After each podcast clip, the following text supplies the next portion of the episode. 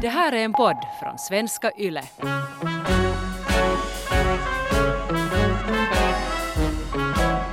de här goda tipsen till exempel om att, att ligga på rygg eller drick grapejuice eller, eller slappna av. Så säg inte sådana, dela inte med dig av dina goda tips för att den som försöker få barn så, så vet nog oftast om det här.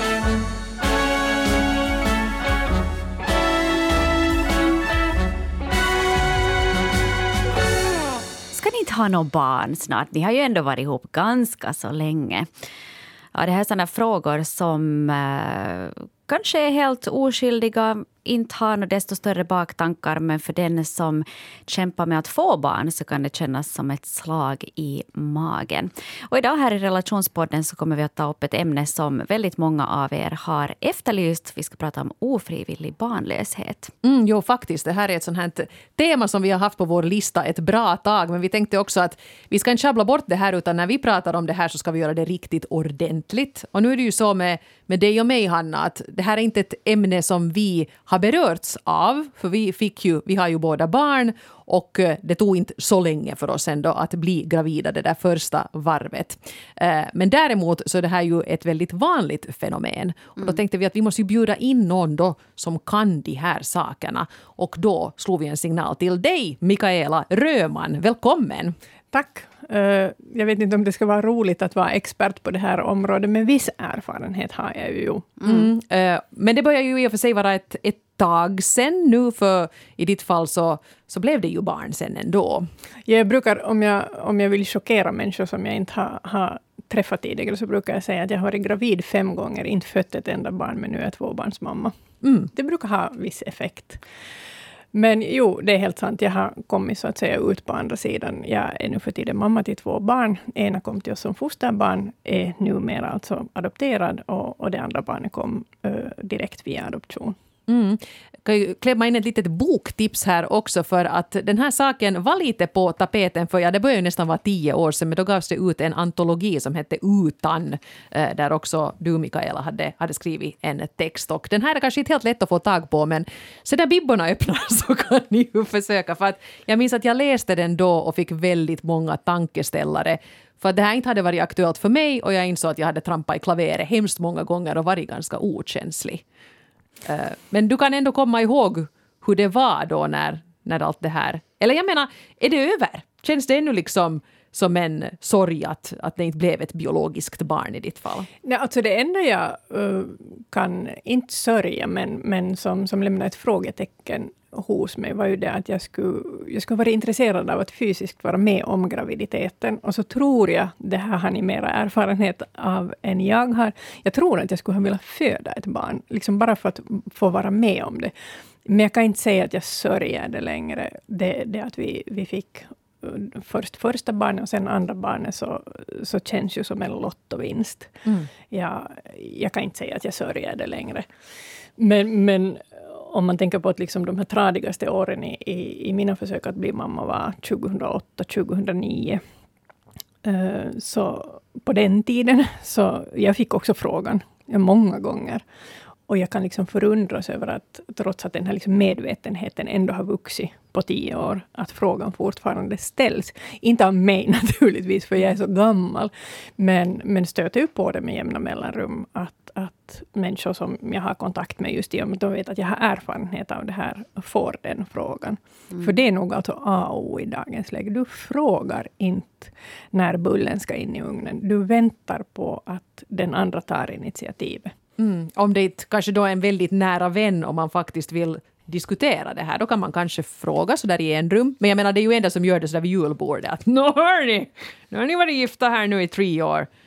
Att Hur skulle det vara? Jag älskar ju min svärfar och, och jag och min man skulle köpa vår första gemensamma bil. Vi hade absolut inga barn och, och, och, visste inte ens då alltså att vi kanske inte skulle få barn. Men jag kommer ihåg att min, min svärfar sa åt mig att det är nog väldigt viktigt att ni köper en bil där det ryms in en barnvagn i bakluckan. Och jag bara brast ut i att, men du milde, att folk så vi är sjuka i huvudet. Vad gör vi med en barnvagn om vi inte ens har barn? Mm. Mm. Men, ja. men... Men det är kanske det där antagande ja. som man tänker att nu har ni varit ihop så länge, eller man är gift eller man har varit sambo länge, att då hör det liksom till att man ska ha barn. vilket också är jätte liksom, dammigt år 2020. Ja. Jag menar för det finns ju många som helt frivilligt i den här världen som vi lever i idag inte vill ha barn. Det är en annan sak, men, men det är inte längre liksom den enda vägen att gå. Att du, du hittar någon att vara ihop med, köper en lägenhet och så blir det barn. Mm. Uh, då det inte blir något barn så är ju förstås en, en grej som är väldigt eh, smärtsam för dem som är med om det. Och det här är ju inte bara en kvinnofråga utan det gäller ju också givetvis alla längtande pappor där ute som, som är precis lika delaktiga i det fast de kanske inte fysiskt hamnar och går igenom de här hormonbehandlingarna och IVF-behandlingarna och, och det här. Och som du sa Mikael, att kanske en kvinna kan ha en biologisk längtan efter att vara gravid och, och föda ett barn. Men det gäller ju ändå uh, bägge. Och som du sa Eva där tidigare också, vi har fått in massor med brev. Och Mm. det känns uh, väldigt ledsamt att läsa alla de här berättelserna. För att det är väldigt mycket stora känslor i dem. Och vi ska nu inte gå in i det här avsnittet desto mer nu då på exakt hur det har gått till och vad man gör och så här. Det kanske får vara, hända i ett annat forum det sen med alla de här behandlingarna och hur de funkar så där i, i teorin. Men, men hur det påverkar dig och dina relationer, det ska vi definitivt försöka hinna med. Jag måste säga att jag, är, jag, är så, jag blev så tagen av era brev. Ni har skrivit jättelånga brev och väldigt fina brev. Och det känns lite hemskt för att vi kommer ju inte att ha någon chans att läsa upp allt det här. Men vi har läst, alla tre här i studion, vi har läst varenda ett ord. Och varmt tack till er som hörde av er. Det var så fint att ni, ni skrev till oss. Eh, vi kommer att lägga ut förstås i vanlig ordning en del av era berättelser också på nätet, så där kan man läsa mera. Men vi skulle kanske kunna börja här med signaturen IVF-mamman 46 som har skrivit till oss så här. Vi kämpade i många år med barnlösheten och gjorde många långa behandlingar. Och det tog ju nog ganska effektivt bort romantiken i parförhållande. Och parförhållande har nog aldrig helt repat sig trots att vi efter många år sen fick vårt efterlängtade barn. Även min relation till andra fertila kvinnor blev lidande. Jag var avundsjuk och missunnsam mot mina fertila medsystrar. Och grannfrun födde barn efter barn på löpande band och jag dog lite inuti varje gång. Jag kan än idag inte ha en normal vänskap med henne. Det här hade också lett till att jag aldrig frågar när någon tänker skaffa barn, för man kan inte riktigt veta vad man ställer till med med en sån fråga. Jag känner igen så mycket i inte bara det här brevet, utan i alla brev som skickades in. Jag, jag kastades liksom tillbaka till den där tiden för, för drygt tio år sedan. Och jag hade egentligen inte en så brinnande liksom, längtan efter barn, förrän jag märkte att, jag inte kan, att det inte liksom går så lätt som man har trott att det ska gå. Och, och det blir ju lite så där att, att då man vill ha någonting som man märker att det är jättesvårt att få, så ser man helt plötsligt att alla andra har det här. Så att, att varje gång det liksom, vi körde förbi en barnvagn liksom på vägen, eller, eller såg en uppdatering, eller hörde att någon skulle få barn, så, så det känns alltså som ett slag i, i den egna magen som är tom. Och jag är ju medveten om det i efterhand bättre än jag var då, att, att det är ju inte någon annans fel. Det är ju liksom, så funkar världen. Det funkar bättre för vissa och det funkar sämre för en del andra. Men, men jag känner igen det där med att, att börja liksom backa från omgivningar där, där barn blir, alltså inte blir till, men där, om man till exempel jobbar på en arbetsplats där människor är i fertil ålder, så är det ju väldigt svårt att där, om man inte har varit öppen, att, att alla gånger hålla masken. Mm. Ja, och jag kan tänka mig också nu då vi börjar gå mot jul att de dimper ner på tambursmattan de här julkorten med gulliga små bebisar i, i tomtemössor och, och glitterband runt Små, halsen. små Lucia-tåg. Ja, och jag, jag förstår det kanske då att den där stolta föräldern tycker att det här var ju en jättebra idé, men att det kanske inte är det bästa julkortet. Det är definitivt inte det bästa julkortet. En av mina systrar har alltså tre barn. Och, och innan jag hade berättat ens för min syster om det här uh, problemet vi hade, så, så kom det alltså sådana julkort. Sen efter att, att hon, hon blev medveten om vår situation, så frågade hon alltid att är det okej okay att hon skickar. Jag, jag älskar ju hennes barn, Mm, precis. men jag Ja. uppskattar alltså frågan väldigt mycket. Så, alltså, det kan kännas som en, en väldigt löjlig bagatell, men, men om man eh, anar eller tror att någon kan ha problem, så köp då hellre ett liksom, julkort helt från butiken, eller, eller ta ett kort på liksom, ditt husdjur eller någonting. Ja. För det är nog att, att visa respekt. Mm. Men får jag fråga dig, Mikaela, eh, varför berättar du inte? Eller varför, varför väntar du med att berätta? Till Ja, varför för- kom jag ut ur skåpet först efter att jag fick barn? Ja, Eh, för jag menar, jag, jag tänker nu från min synvinkel att det här ska ju inte vara någonting som man skäms för. jag har aldrig skämts Utan- för att jag inte ja. har fått barn. Men eh, Och, och så mår man ganska pyton om man går på fertilitetsbehandlingar och grejer så att det sköna skulle ju vara att säga till alla att nu är det här det som är på gång. att då jag är ett så här hormonmonster så beror på följande. Nej, alltså till saken hör att, att då när det här liksom barnlösheten var akut i vårt fall, så jobbade jag alltså på en arbetsplats där människor börjar få barn. Och jag mådde alltså så dåligt att jag visste att om jag öppnar den här liksom dörren till det här det var inte ens ett svart hål, utan det var liksom ett totalt nattsvart mörker. Jag var alltså osäker på att jag skulle kunna hålla ihop.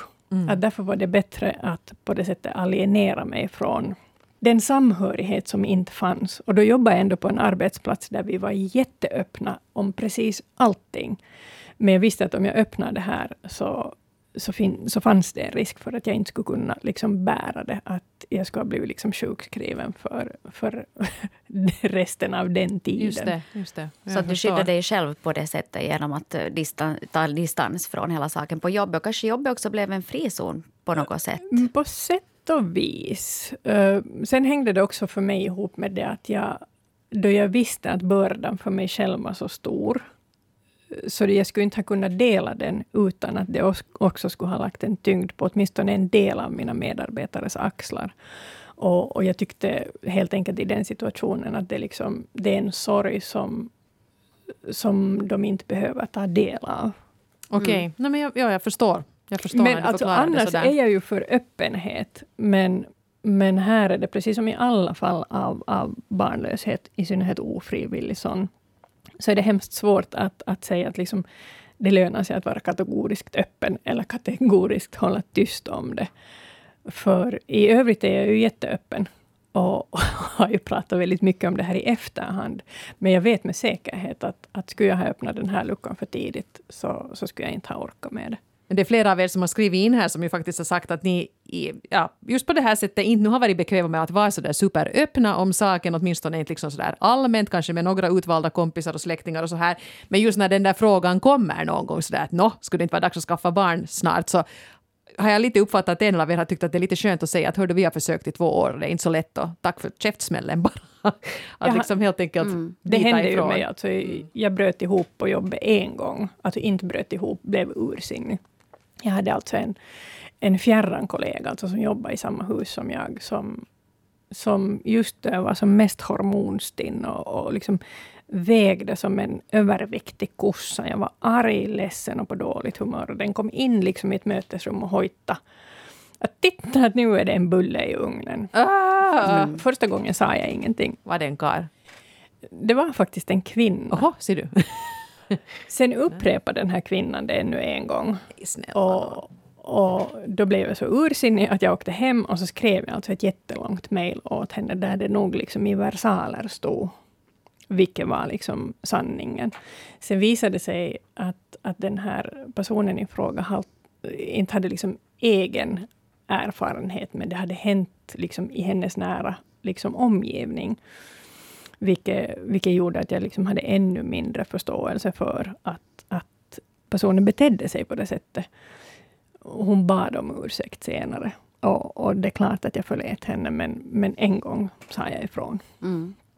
Men det där är nog överlag ett gott tips till alla där ute. Fråga aldrig, eller utgå aldrig från att någon är gravid heller. För att jag har ju också fått frågan när jag nu faktiskt var inte alls var gravid, men jag var kanske lite större än vad jag brukar vara eftersom jag just hade fått ett barn och jag var lite, skämdes lite över det där och då var det inte alls roligt att få så här, Nå men Eva, du har tredje på gång redan, det var ju fint. Så jag menar den där kommentaren, den slår ofta fel och ja. Den slår alltid. Den slår det nästan alltid fel. Fråga bara inte. Vänta att den andra har någonting att berätta och då kan du gratulera. Mm. Vi skulle kunna ta och gå vidare lite här med, med flera brev och, och eh, prata lite om vad man egentligen skulle kunna göra för att förbättra då den här eh, kunskapen om hur lätt det egentligen är att bli gravid. För, för jag menar, det är ju faktiskt inte så himla lätt. Alltså, även fast det inte skulle vara något fel på någondera så är det ändå inte så där bara. Och här har signaturen T30 skrivit så här. Jag kände skam över att min kropp inte blev gravid och den här skammen tror jag skulle kunna undvikas om man i skolorna också pratade om ofrivillig barnlöshet. Det enda jag minns från skoltidens sexualundervisning var att man ska använda skydd för annars blir du gravid. Men man får ju inte höra där att det kan vara svårt att bli gravid. Det skulle kanske kännas mer naturligt att prata om ofrivillig barnlöshet med andra om det skulle vara någonting som man också pratar om i skolan. Och då skulle även andra förhoppningsvis vara mer insatta i det här.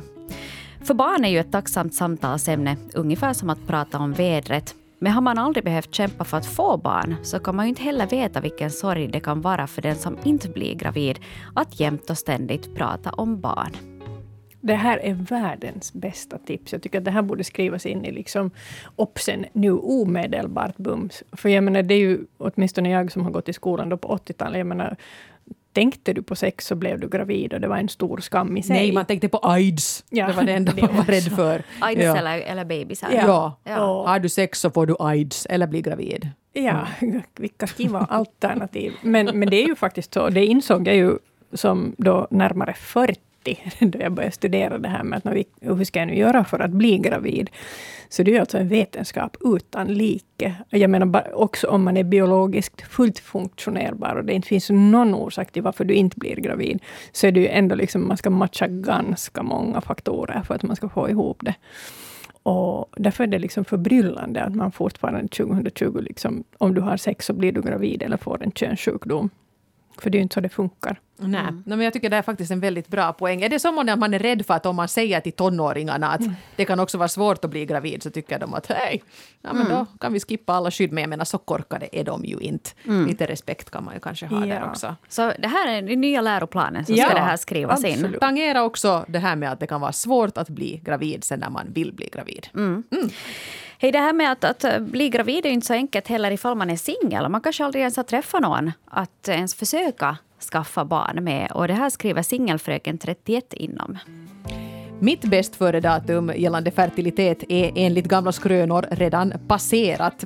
Jag drömmer ändå om familjeliv och jag önskar så att tidspressen inte fanns för åren går ju bara fortare och fortare ju äldre man blir. Sociala medier fylls med graviditeter och bebisar och här slirar jag i gamla hjulspår. Visst, man kan ju åka till Danmark och inseminera sig eller adoptera ett barn som ensamstående, men det här är inte min dröm. Jag vill ha en partner som jag älskar vid min sida. Jag vill skapa ett hem och ett liv tillsammans. Som tur har jag en del väninnor som är lite äldre än jag och som har utflugna barn och det känns bra att umgås med dem som är på en helt annan plats i livet. Så skrev singelfröken 31. Singelfröken 31 måste vi väl först säga att eh, inte först vid 35 som fertiliteten börjar gå ner. Att det, är inte så, det så bråttom ännu, singelfröken. alltså det här sportar jag ju med då när vi försökte få barn. Att jag liksom varje gång jag i en tidning eller någonstans noterar alltså en kvinna som var, som var äldre än jag själv, som hade lyckats få, alltså bli gravid och få barn, så var jag så här, hurra, att det finns ännu hopp för mig också. Att, det, det är ett Janet Jackson! Ja, ja Halle Berry. ja, men det blir liksom, man börjar fästa uppmärksamhet vid väldigt konstiga detaljer. Ja, men det förstår jag. Ja. Och, och, det är precis som alla de här tipsen som, som också goda vänner kommer med. Det märker man i de här fallen, i, i de här breven som har skrivit in. Och, och det är också en sak som man bara kanske kunde konstatera att, att de här goda tipsen, till exempel om att, att ligga på rygg eller drick grapejuice eller, eller slappna av. Så säg inte såna Ge, dela inte med dig av dina goda tips, för att den som försöker få barn så, så vet nog oftast om det här. Men, men för att återkomma till den här singelfröken, så är det här ju det är ju en, en dubbel problematik. Jag menar för att hon upplever starkt att det fattas liksom det där viktiga steget förrän hon ens kan komma igång med det där andra steget. Och jag, jag förstår hennes liksom olycka. Det som är glädjande är att hon, hon i slutet av brevet säger att hon ändå liksom satsar också på andra saker. Att hon mm. umgås med människor som, som redan har fått ut sina barn. Mm. Jag tror att det kan vara jättejobbigt det där med att, att man umgås med människor som har barn. För det blir ju lätt på jobbluncher eller man går ut någonstans. Så om alla har barn utom jag så pratas det mycket om de här barnen och vad de har gjort och det visas bilder och sådant. Och det, det är ju kanske man inte så jätteintresserad. Jag vet ju, fast jag själv har barn, så jag, vet, jag skickar bara bilderna till mommo och muffa, farmor och farfar, för de är de enda som bryr sig om mm. de där bilderna. Det är ganska enkelt på det sättet. Men äh, det som jag tänker här, som den här singelfröken också skrev, att, att som kvinna så har du ju ändå den möjligheten att till exempel då kunna skaffa barn på egen hand. Men om du är en man som är 31 och singel och aldrig har träffat någon, då måste du ju ännu till hitta den där kvinnan som är villig att skaffa barn med dig. Så jag tror att som man är du ännu mer utsatt ifall du är ofrivilligt barnlös och singel. Mm. Jag tyckte det var en bra poäng hon hade här, för att jag, jag vet att jag säkert prutthurtigt har tänkt ibland sådär att oj, men vet du, det finns ju de faktiskt som gör det här själva och det går jättebra. Men det är ju inte det hon vill. Hon vill ha den här familjen med liksom två vuxna och x antal barn. Och då tycker jag det liksom är man måste ju jag, jag, förstår ju det nu också när hon skriver det så här tydligt. Det gick ju det här programmet alltså på, mm. på finsk TV, uh, det här formatet att skaffa barn med en okänd. Och jag tänkte ju då det liksom började tutas ut om det programmet, att nej, nu har nog världen gått för långt. Men jag menar, det, det fanns ju alltså till och med finländska människor, både män och kvinnor, då, som ställde upp för det här programmet. Och, och det är ju ett tecken alltså på att trots att världen annars är så, så att säga, socialt Eh, Eh, på sätt och vis lätt att leva i. Där du kan träffa någon över nätet, eller no, över nätet är det man ju träffas nu för tiden. Men det är inte så för alla. Och, och just det där att sakna antingen en partner och, och kanske som en fortsättning på det, ett barn eller flera. Så, så man är ganska ensam också med det problemet i dagens läge, för mm. att alla tar för givet att, att, att det fixar sig. Mm. Jag såg på det där tv-programmet när det kom, för jag tänkte också att nu, nu har vi liksom gått för långt helt mm. enkelt. Men jag hörde tidigare också att det finns sådana dating-sajter, att det är typ ett Tinder för människor som vill ha barn. Och det tycker jag att det är ganska bra, för att om, om jag går in på Tinder så har nästan alla skrivit att de har barn, eller att de önskar ha barn, eller att de inte vill ha mm. barn. Och jag tror att det här kan vara en ganska stor dealbreaker, just att är du mellan 30 och 40, som är kanske de här vanligaste barn skaffningsåren. Att, att, man, att det ska finnas en dating där vi, vi, går in, vi som vill ha barn. Att det här är liksom redan den första dealbreakern. Det är klart mm. att jag drömmer om en familj. Gör du det också så går du in där. Att det, det tycker jag är ganska sympatiskt på något sätt. Kan jag också tipsa om, om eh, en annan podd, alltså Ted och Kai pratade ju om det här för, för några veckor sedan och då hade ju Kai och hans man varit på sån här speed dating med kvinnor som skulle vilja ha barn men inte har någon att, att tillverka de här barnen med. Åh, oh, vad ljuvligt! Ja. ja, så kunde man då liksom godkänna eller tycka att det här kanske känns som en människa som man skulle kunna ha en sån här relation till då. Det är ju ganska, ganska, vi får se om, om det blir någon uppföljning på, på den fronten. Men det var, mm, det, det, var några veckor sen, så gå in och kolla, kolla det avsnittet om du vill höra mer om det här. Men när vi nu är inne på det här med bemötande av känsliga saker så skulle vi kanske kunna här eh, läsa Katja 37s brev. Hon skriver så här.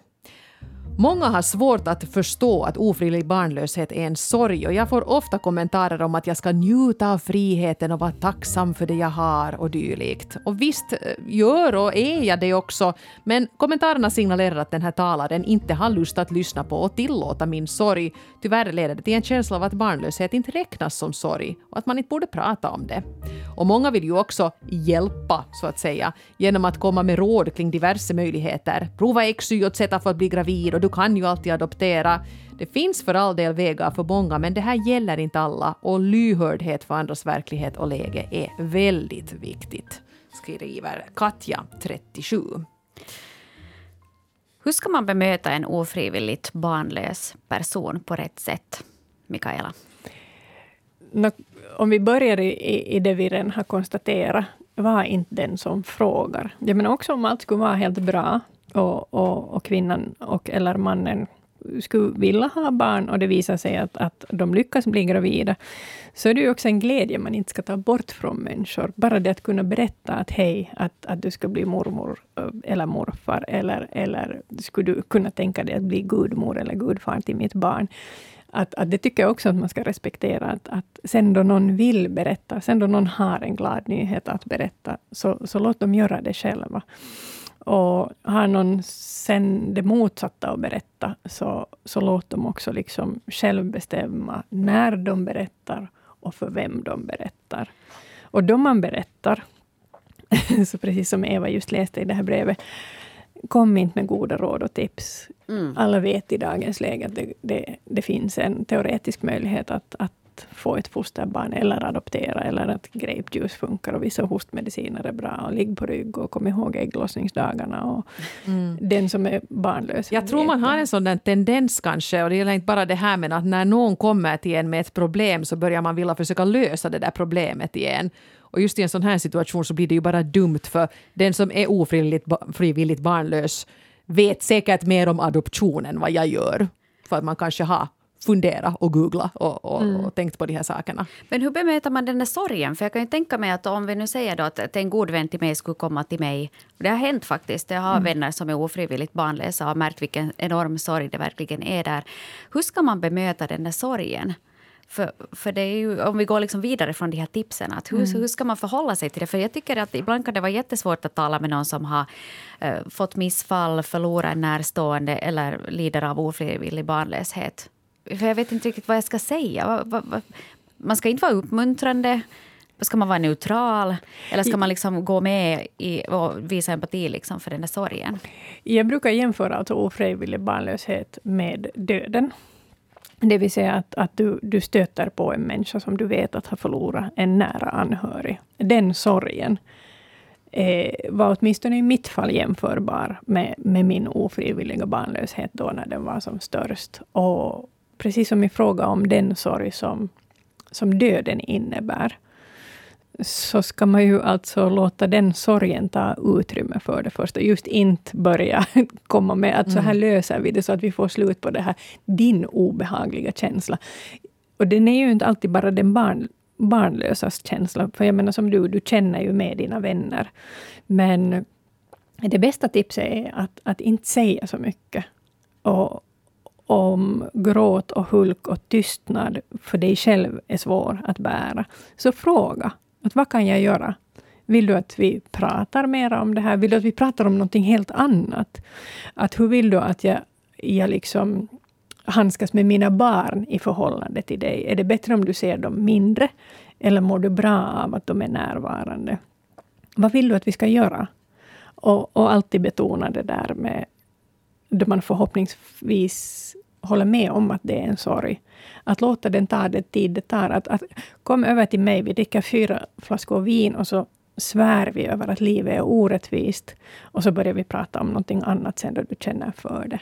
Mm. Men, men det är ju jätte... Säkert bra att fråga den där ja. andra. Mm. Att, att hur, hur, skulle du vilja att vi gör det här nu? Att jag är med på allt. Mm. Att vill du distraheras eller vill du prata om saken? Eller, eller ska vi bara sitta tysta? ja, precis. Det där är ju jättebra. Mm. Det är kanske där man ska börja istället för att genast jag, menar, jag, jag ramlar ofta tror jag, i den här prutthurtighetsfällan som inte gör någon nytta för någon i ett sånt här skede när, när allt är, såret är öppet och, och man inte riktigt vet vart man vill komma. Mm. Vi skulle kunna ta och, och traska vidare här genom vår brevskörd och Eh, gå vidare till eh, en man som har skrivit in faktiskt. Du efterlyste ju Eva, att vi, kan vi få lite erfarenheter av män också i och med att männen då berörs precis lika mycket av det här och eh, här har vi en man nu som har skrivit under signaturen Life is life som har närmat oss med ett långt brev som jag kortar ner lite här nu. Men han berättar att han har varit tillsammans med sin kvinna i över 20 år och att de var drygt 30 år då de träffades och att det skulle ha funnits eh, alla möjligheter egentligen för att det skulle ha blivit barn men det blev sen inga barn. Och då skriver han så här. Ofta när det är tal om ofrivillig barnlöshet så ger detta en starkt ödesmättad ton. Uttrycket i sig antyder ett miserabelt, meningslöst liv för den drabbade. Själv skulle jag inte vilja ha den här stämpeln på mig, trots att vi per definition är barnlösa, utan att ha tagit ett sådant beslut.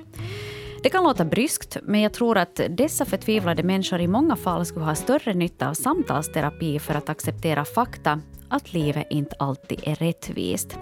Vi skulle nog alla behöva lära oss att gilla läget lite mer skriver en, en man som tydligen har i slutändan Gillat läge. gillat läget. Ja, precis. Vilket är oerhört positivt. Uh, Jag bara tänker mig nu situationen med att jag skulle ha tagit mig till, till samtalsterapi tillsammans med min man.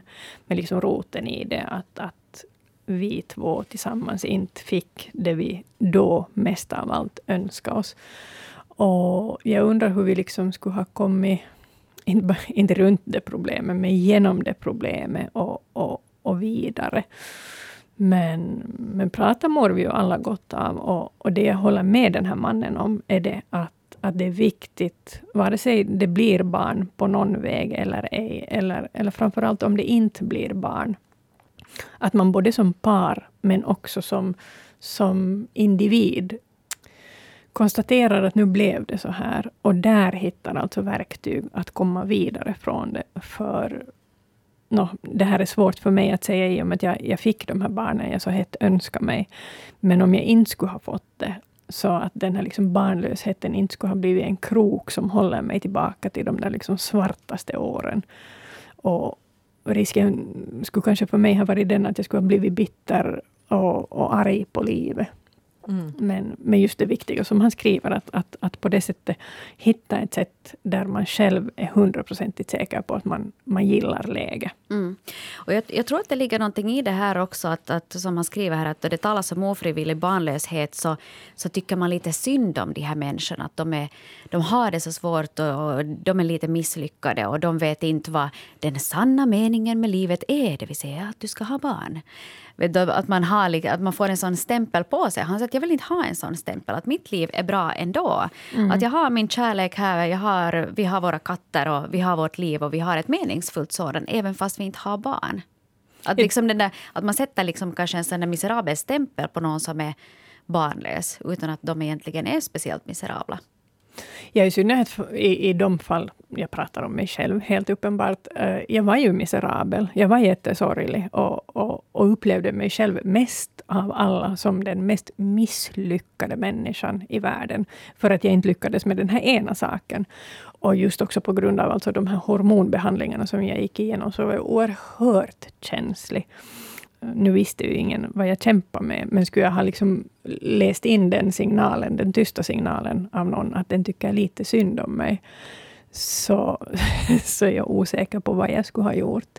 För den liksom egna skammen och, och det här misslyckandet är så otroligt tungt. Så därför är jag jätteglad över den här mannen, att han protesterar mot det här, att han åtminstone inte känner så. För det är ju nog en, en ganska universell stämpel man lägger på människor som kämpar med att få barn. Det kanske är en målbild det där också, att, att i något skede landa i det där också, fast det inte liksom på något sätt blev barn i den familjen. Ja, och här tror jag vi ska komma ihåg också att det har gått en lång tid. Ja. De har varit tillsammans i över 20 år. Att jag tror inte att någon som, som märker att okej, nu blir det inga barn kan bara skaka det av sig och gå vidare. Det är ju inte det vi menar. Men att kanske med tiden så hittar man då ett annat sätt att njuta av livet.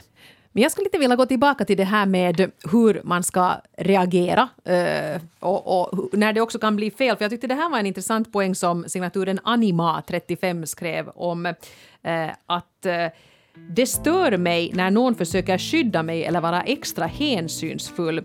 Eh, min svägerska har till exempel aldrig bett oss barnvakta, men jag vet inte om det är för att vara hänsynsfull eller vad som är anledningen. Om det är av hänsynsfullhet så berövar hon oss samtidigt att ha ens något barn i vår omgivning. Det ska vara bättre att hon frågar oss om det är det vi önskar. Jag vill ju veta vad som händer i mina vänners och släktingars liv och jag vill bli inkluderad. Och här är också en 35-årig mamma som ännu inte har barn, så det är hennes signatur som skrev att när kompisarna börjar undvika att skicka bilder på sina barn, som man ju älskar, eh, bara för att de är rädda att såra en, känns det som en motgång. Det blir en radiotystnad. Att bli utslängd när nya WhatsApp-grupper skapas, någonting som görs säkerligen i all välmening, men som än en gång stänger ute mig från ett sammanhang, det känns också som en käftsmäll.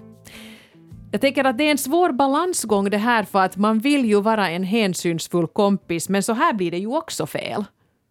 Det här är det vi var inne på tidigare, att fråga. I synnerhet alltså om människan har varit så, så stor att den har berättat, åtminstone för en liten, liten del av, av sin umgängeskrets eller sin familj, att, att det här är nu liksom kärnan i vårt problem, att, att jag vill att ni ska veta. Och då den har liksom spelat med så öppna kort, så, så det mest respektfulla och kärleksfulla man kan ge den människan, är att man inte liksom tror någonting, att man inte hittar på eller liksom gissar sig fram till vad som skulle vara bäst för den här stackars människan. Just det här stackars, för att man, det är ju med kärlek de försöker skydda också de som gör det. Mm. Men fråga. Att vill du vara med i den här gruppen? Vill du veta vad vi håller på med? Skulle du kunna ta hand om liksom Pelle och Kalle då vi går på bio? För att vi behöver faktiskt nu ensam tid i vårt förhållande. Fråga. Och vad en människan svarar, respektera det. Jag minns att jag hade lite en sån här situation i mitt kompisgäng för, för många år sedan. Att vi blev, det var många som var gravida samtidigt. Och så var det en som, som ja, de, de gick länge och väntade och det var ganska svårt och det var liksom missfall och grejer och liksom stor dramatik. Men hon var föredömligt tydlig. Hon sa att vet ni vad, att det här är helt för tungt för mig nu. Att jag kommer liksom lite att simma ur bild nu här för en tid. Att jag är okej, okay, men jag, jag orkar liksom inte era liv handlar så mycket om de här barnen nu och det förstår jag, men det gör ont för mig. Eh, och vill någon gå på en öl med mig och prata om helt andra saker så skulle det vara jättekiva. Och så gjorde vi ju det då. Det var ju hemskt hälsosamt för oss som var mitt i den här babybubblan också, att kanske någon gång prata om något lite annat och dricka en öl. Så att vi var ju helt med på det. Men det kändes ändå bra för att hon var så tydlig med att det här är det jag behöver och det här skulle ni kunna göra för mig och det här kommer jag inte att vara delaktig i. Mm. Jag hoppas att hon också ser tillbaka på den där tiden som att det ändå, den här biten funkar någorlunda bra. Mm. Och att vi ändå kunde stötta henne på ja. något sätt. Och så tror jag också att man, man som kompis annars också, för jag har eh, vänner som inte har barn. Jag inte kanske tycker så mycket om att prata om något annat heller. Att jag gör det så pratar jag med min mamma för hon bryr sig om vad som har hänt åt mina barn men inte så många andra. Men där att, att vi pratar aldrig om mina barn. Någon mm. gång kanske de frågar att hur är det med dem? för mm. de är ändå en väsentlig del av ditt liv. Men att vi pratar inte så mycket om dem och jag tror att det är jättehälsosamt för alla föräldrar också att lära sig att prata om andra saker än sina barn. Föra diskussioner som inte är baserade på, på vad som händer där hemma. Så det här kan ju vara en sån intellektuell utmaning också, även för föräldrar. Mm. Men eh, som en liten slutkläm så tänkte jag att vi skulle kunna gå in på det här nu med parrelationen, för det är ju en del av er som har skrivit om det här att det har varit svårt och det har liksom faktiskt varit en utmaning för kärleken där hemma när man har varit i en sån här process. Men till exempel ännu hoppfullt 27 år tycker jag skriver fint här att relationen mellan mig och min partner har blivit mycket tajtare och kampen för ett barn har gjort oss till ett ännu starkare team. Medan Anima35 skriver att eh, vi har ändå ett jättefint förhållande och hittills har vi nu inte på det viset tagit skada av detta jag vet inte hur många gånger vi har bokat en resa, ett restaurangbesök eller korkat en flaska champagne med tanke på att vi ju faktiskt inte vet hur mycket tumistid vi har kvar. Nu i helgen bestämde vi oss för att inte köpa nytt vin före skåpet är tomt, för nu börjar vi dricka finvinerna så länge vi kan. Så jag tror det blir en Barolo i helgen, för sen är det dags för embryoinsättning igen och spännande tider. Om det igen blir negativt tröstar vi oss med champagne. mm. Jag älskar det där. Det är alla gånger de liksom förhållanden som håller en liksom barnlöshet och, och, och, upplevelsen är att man kommer ur det starkare, är ju ljuvliga solskenshistorier. Och, och det är ju inte alls fallet i, i alla fall. Det typiska i de här Eh, liksom barnlöshetssituationerna, om och då man är två, är ju det att i synnerhet kvinnorna beskyller sig själva jättemycket för att de inte lyckas. Jag kommer ihåg, jag tyckte att, att att det var liksom tyngre att bära min mans sorg än vad det var att bära min egen. För den egna sorgen vet man, man vet var man har den och hur man tampas med den. Men att liksom se någon annan lida. Man blir orolig också. Ja, alltså jag har ju sagt det åt honom. Jag sa det åt honom under behandlingen, att det är okej okay för mig att du lämnar mig. Att, att jag förstår att din, liksom, din vilja att bli far är så stor och jag vill inte vara den som förhindrar dig från det. Men tack och lov så är han ganska envis. Och, och, och vi höll ihop. Och, och, nu, än en gång, då vi har ploppat ut på andra sidan, så kan jag ju alltså med all tyngd säga att klarar vi det som vi då gick igenom, så är det nog liksom mycket till för att det ska komma in någonting som, som är skärva mellan oss. Och, och, kan ju nu i efterhand säga att, att det gjorde oss till ett liksom bättre äkta par än vad vi var före det här. Mm en sådan insikt fick du liksom på köp. Ja, jag tackar och tar emot. Och ni kanske dricker lite finviner nu och då också? Ja, alltså som tvåbarnsmorsa med en galen hund så, så, så behöver man, man lite vin. Ja. lite finvin ibland. så är det, ja. Varmt tack till alla er som har skrivit in och delat med er av era berättelser. Vi håller alla tummar och tår som vi har för att det ska gå bra i framtiden och för att ni ska må så bra som möjligt under den här processen. Och stort tack till dig också, Mikaela Röman, för att du gästar Relationspodden. Tack. Får du gå hem och öppna ett, en flaska finvin. Det kanske jag gör. Ja. Och vi andra, vi håller inne med de här fantastiska rådena och vi frågar inte sådana dumma saker som kan vara känsliga. Vi gör bara inte det. Okej, tummis på den saken. Och vi är tillbaka om en vecka. Hej då! Hej då!